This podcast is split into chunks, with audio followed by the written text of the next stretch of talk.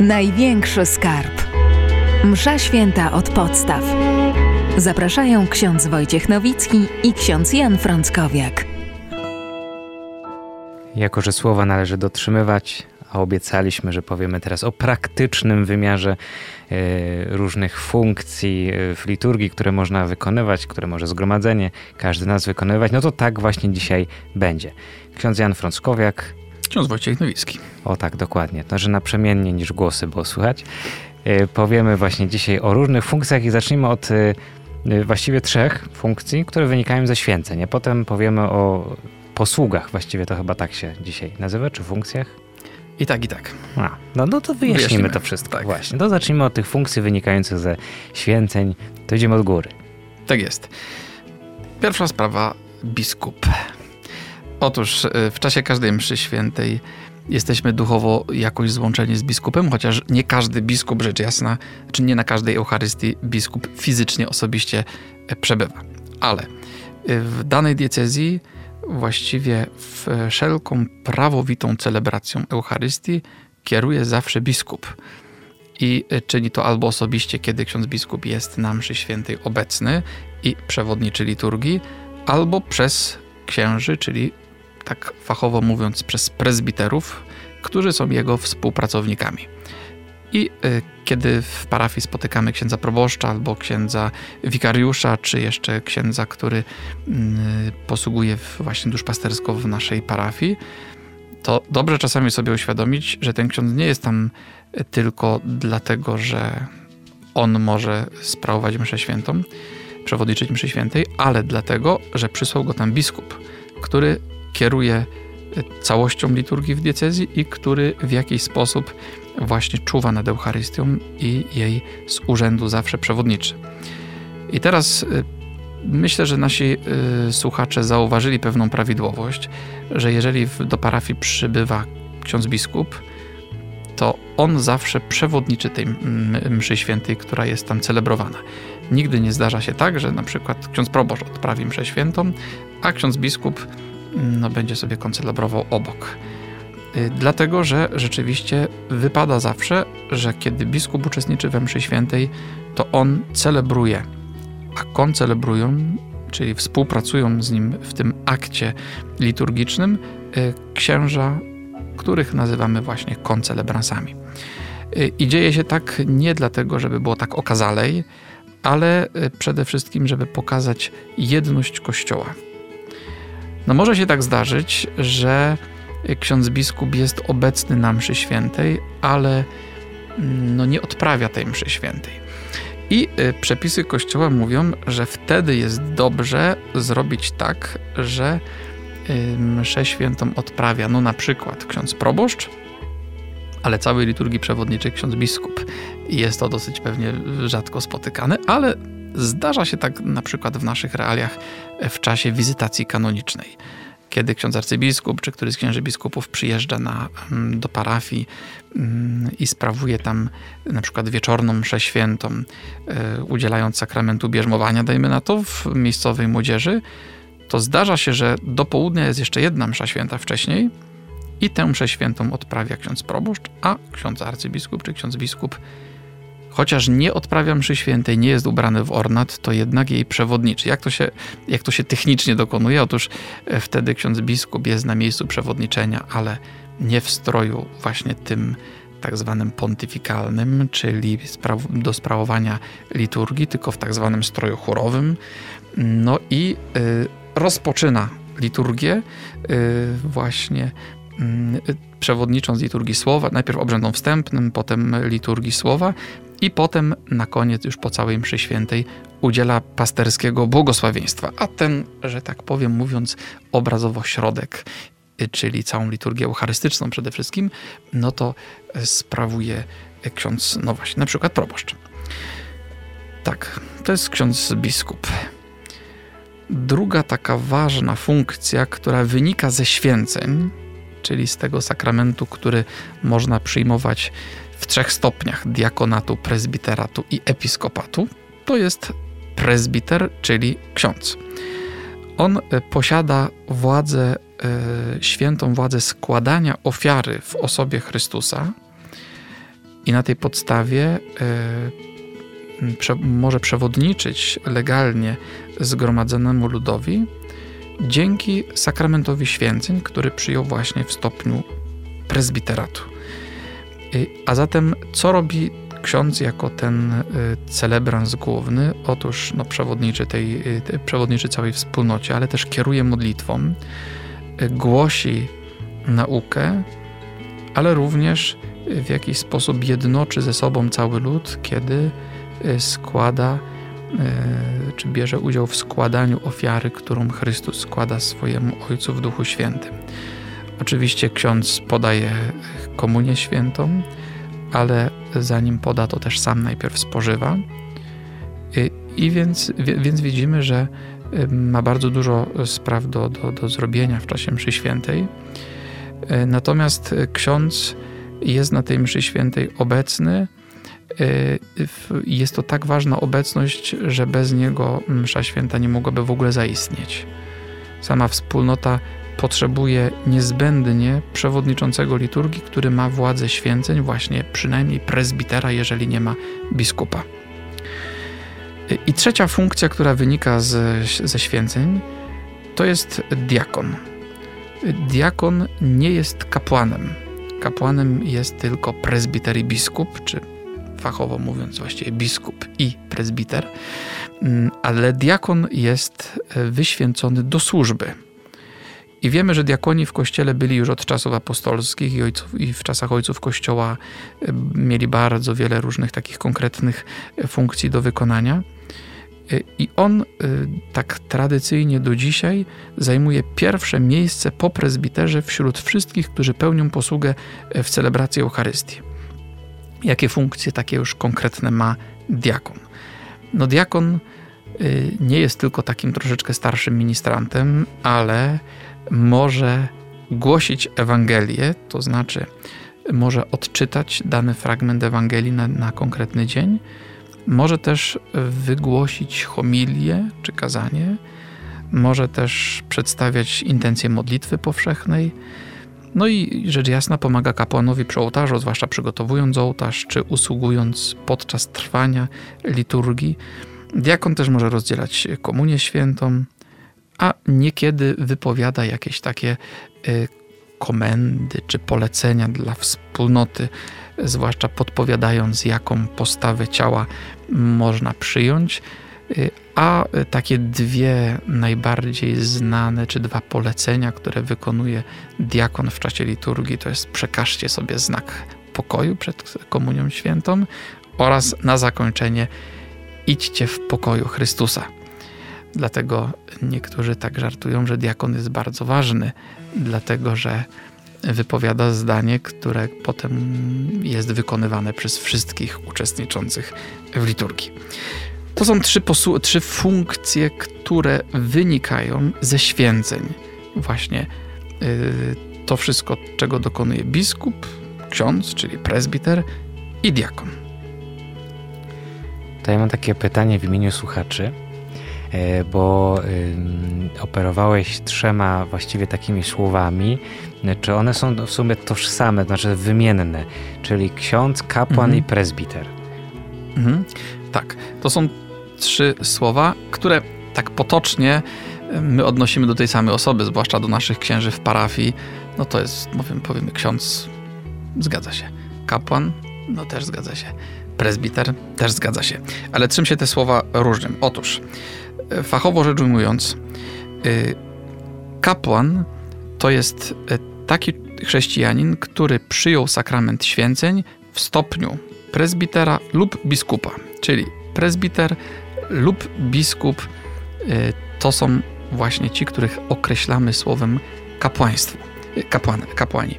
Natomiast diakon nie należy do kapłanów, ponieważ mm, jego cała obecność w kościele nie polega na tym, że przewodniczy wspólnocie w składaniu ofiary, on posługuje. E, a więc e, właśnie, mamy kapłana. Teraz prezbiter, to od greckiego słowa presbyteros, czyli starszy, to jest ten, który mm, jest odpowie odpowiedzialny za jakąś miejscową, lokalną wspólnotę i jest odpowiedzialny z polecenia biskupa. Czyli ci wszyscy kapłani, którzy nie są biskupami, a więc możemy powiedzieć o wszystkich tych naszych księżach e, właśnie w, e, w parafii, no właśnie to są prezbiterzy, starsi wspólnoty. I mamy jeszcze trzecie określenie, czyli kapłan, prezbiter, i ksiądz. I ksiądz. Takie A ksiądz to już jest taki zwrot bardzo popularny, który określa no, tak się przyjęło, że słowem ksiądz określamy w ogóle duchownego. Y, I, I, oczywiście mm, przede wszystkim naszych księży w parafii, czyli tych prezbiterów określamy tymże słowem.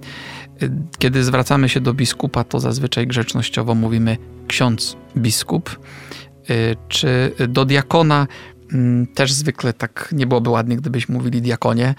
Mówimy księże diakonie i dlatego, że diakon już należy do duchownych. A więc ksiądz to jest taki tytuł grzecznościowy, który jest w społeczeństwie przyjęty, e, określający właśnie duchownego. No i mamy porządek i klarowność, to możemy przejść teraz do e, tych funkcji lub posług liturgicznych. No i teraz e, jakie one są, bo jest ich sporo. Mhm, tak, tak. No właśnie, otóż chodzi o to, że mm, mówiliśmy na naszym poprzednim spotkaniu o tym, że każdy uczestnik liturgii ma dużo do zrobienia, nawet jak się nie rusza z ławki, dlatego że słucha Bożego Słowa, bierze udział w modlitwie, w śpiewie, składa ofiarę wspólnie, wspólnie przystępuje do stołu pańskiego. Y, no właśnie. Y, I wszyscy są jakoś zjednoczeni w tym działaniu, także przez wykonywanie pewnych, pewnych gestów, postaw ciała, mm, przez uważne słuchanie i tak dalej, przez wyraźne odpowiedzi. Natomiast wierni są też zaproszeni do podjęcia jakiejś szczególnej posługi lub funkcji liturgicznej. Zaraz właśnie spróbujemy może sobie wyjaśnić, czym się różni to słowo posługa i funkcja, chociaż y, potocznie czasami używamy wymiennie. Otóż, y,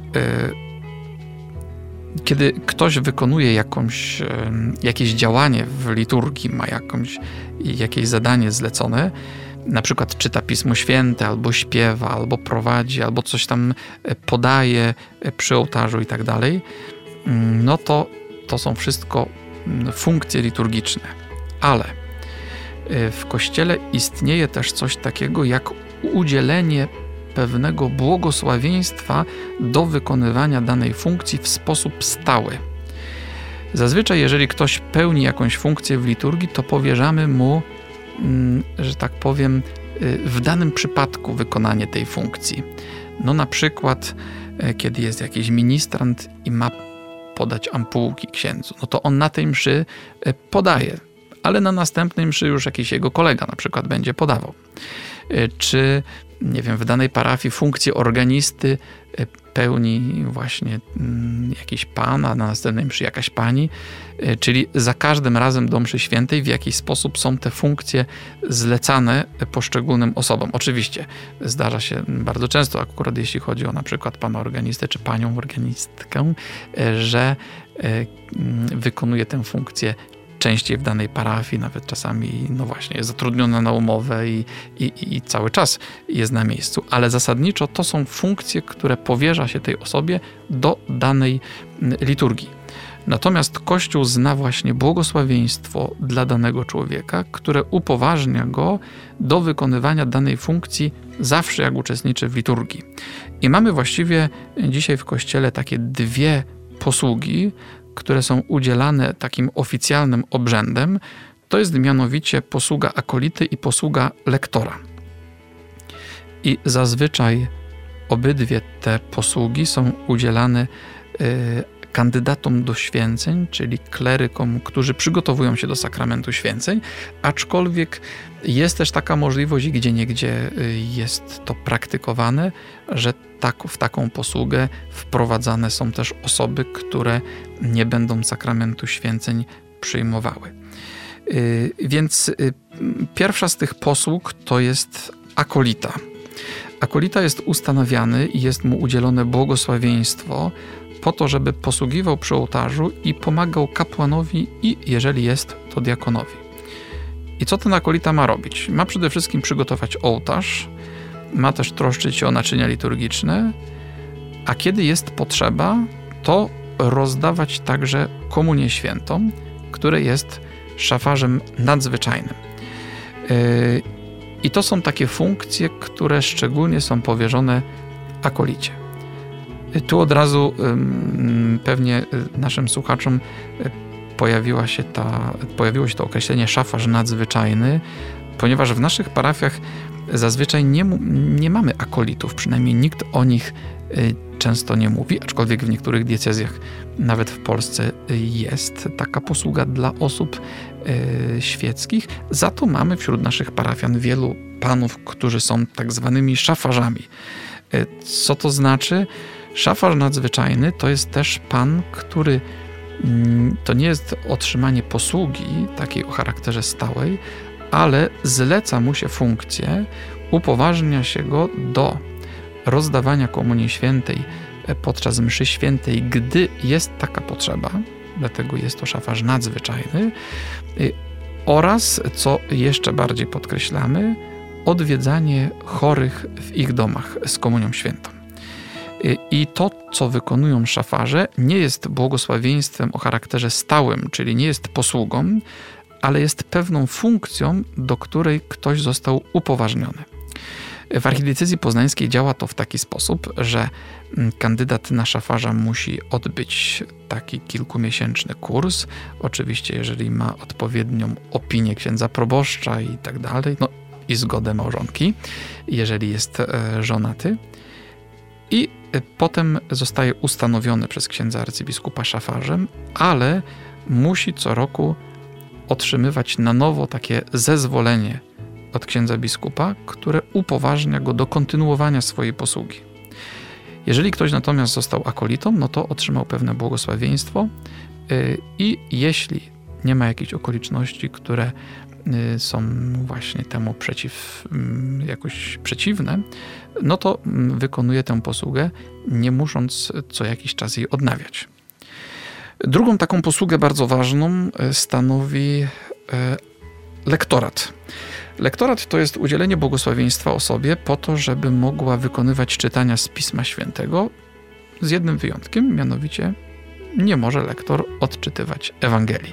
Po Ewangelii, jak już powiedzieliśmy, może odczytać diakon. No i oczywiście może odczytać zawsze prezbiter, czyli ksiądz. No i biskup, gdyby taka była sytuacja, i nie byłoby żadnego prezbitera czy diakona, też może oczywiście odczytać Ewangelię. Natomiast lektor czyta e, wyjątki z Pisma Świętego, które nazywamy lekcjami albo czytaniami. E, przed Ewangelią zazwyczaj jest jedno albo dwa czytania. Pierwsze czytanie i jako jedyne jest w dni powszednie, natomiast kiedy jest niedziela czy jakaś uroczystość, to mamy już drugie czytanie. Lektor może też e, podawać intencje modlitwy powszechnej, czyli e, te tak zwane prośby. Może nie zawsze się to w naszych parafiach jakoś praktykuje, chociaż gdzie niegdzie tak. Lektor też, kiedy nie ma osoby, która wykonuje psalm, jakiegoś psałterzysty czy organisty, to lektor również może wykonać psalm między czytaniami. No i nawet gdyby to był taki lektor, który nie za bardzo umie śpiewać, to może ładnie odczytać. Ale to o psalmach, jak one powinny być wykonywane, bo generalnie psalm jest tekstem śpiewanym, y, to powiemy sobie innym razem. Tak, to są takie dwie podstawowe posługi, właśnie dwie posługi, które mamy w Kościele katolickim: posługa akolity, posługa lektora. Poza tym mamy też wiele różnych funkcji. I spróbujemy może sobie o nich parę słów powiedzieć. Otóż y, mamy takie funkcje jak ministranci. Ministranci też pełnią swoje zadania, zazwyczaj przygotowują się, najpierw są kandydatami i tak dalej. To są osoby świeckie, często są to osoby jeszcze dość młode, które mogą nieść krzyż, świece, kadzielnice, Y, przynosić kielich, ampułki, właśnie patenę z chlebem. Y, I y, właśnie te osoby usługują naokoło ołtarza, wykonując mnóstwo tych wszystkich takich już konkretnych spraw. No, także na przykład dzwonienie dzwonkami, gongiem i tak dalej. Mają swój strój? Mają zazwyczaj swój strój, jak najbardziej. Czasami jest to komża z jakąś pelerynką, czasami jest to alba, a czasami jest to tak też dość profesjonalnie mm, taka alba z sutannellą, czyli z takim e, czymś, co przypomina sutannę kapłana. I właściwie tak formalnie rzecz ujmując, nasi szafarze nadzwyczajni też e, podlegają, czy zaliczają się do tej kategorii ministranta, tyle, że mają właśnie takie upoważnienie do rozdawania Komunii Świętej to jest ich szczególna funkcja, którą pełnią. Tak, e, szczególnym e, też takim zadaniem, które mogą wykonywać osoby właśnie świeckie jest wykonywanie czytań z Pisma Świętego. I kiedy nie ma lektora, który został ustanowiony obrzędem, wprowadzony w posługę, to czytanie z Pisma Świętego może, oczywiście znowu z wyjątkiem Ewangelii, wykony, wykonywać każdy chrześcijanin, kto, jak mówią dokumenty, który, jak mówią dokumenty Kościoła, nadaje się do pełnienia tej funkcji i starannie jest przygotowany. Kto nadaje się do funkcji lektora, to pewnie, no właśnie, osoba, która potrafi czytać. I to zwłaszcza dla naszych młodszych lektorów jest to pewne wyzwanie. E, oni też szlifują się, uczą. E, no i e, rzecz jasna, lektor powinien się starannie przygotować, żeby nie było to tak, że wchodzi do zakrystii, ubiera się, idzie do ołtarza i tam przy ambonie zobaczy, co właściwie w tym lekcjonarzu jest. E, dlaczego? Dlatego, że dzięki funkcji lektora cała wspólnota będzie słuchała natchnionych czytań i cała wspólnota ma przejąć się żywą miłością do Pisma Świętego. I trudno byłoby, żebyśmy jako wspólnota przejęli się żywą miłością do Pisma Świętego, jeżeli nie za bardzo będziemy rozumieć, co to Pismo Święte właściwie do nas mówi. Tak, czyli to są osoby, które są wyznaczone do czytania Pisma Świętego. Mamy też y, psałterzystę. To, jak sama nazwa wskazuje, y, osoba, która wykonuje psalm. Ewentualnie czasami zamiast psalmu jest inna pieśń biblijna. No i żeby psałterzysta mógł poprawnie pełnić swoją funkcję, to znowu powinien y, posiąść sztukę wykonywania tegoż psalmu, no i też powinien potrafić mieć, czy powinien mieć odpowiednią prawidłową wymowę, dykcję, znowu, żeby było można ładnie zrozumieć, cóż to też Słowo Boże do nas y, mówi. Mamy jeszcze wiele innych y, funkcji związanych z muzyką, y, na przykład zespół śpiewaków lub chór. Kantor. Oprócz tego mamy też kantora, czy też dyrygenta chóru, jeżeli jest ktoś taki. Czasami w niektórych większych parafiach jest taka osoba, którą moglibyśmy nazwać kierownikiem muzycznym. Y, no, oczywiście organista, który zazwyczaj w, nas- w praktyce parafialnej pełni te wszystkie funkcje razem, czyli jest dyrektorem od muzyki, jest kantorem, psałterzystą, y, a czasami jeszcze nawet prowadzi próbę śpiewu przed liturgią. Oczywiście dobrze jest, żeby na przykład psalm nie był wykonywany z gdzieś tam z chóru góry, tylko ponieważ jest to akt głoszenia Słowa Bożego, powinien być wykonywany z miejsca, które jest do tego przeznaczone, czyli ambona. Mm, właśnie ołtarz, stół Słowa Bożego. No i dlatego dobrze, jeżeli w parafii jest jakiś wykształcony właśnie kantor, psalmista, y, to formalnie rzecz ujmując psałterzysta, który potrafi y, tak y, właśnie zaśpiewać ten psalm z dołu, czyli z prezbiterium.